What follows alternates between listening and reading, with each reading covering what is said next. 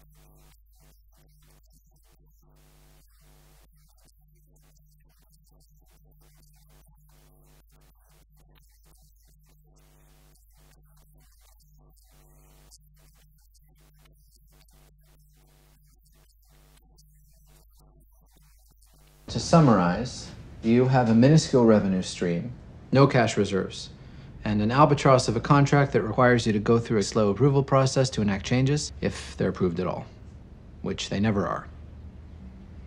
Am I missing anything? That about sums it up. Tell me about the land. The land. The land, the buildings, how that whole aspect of it works. Oh, pretty simple, really.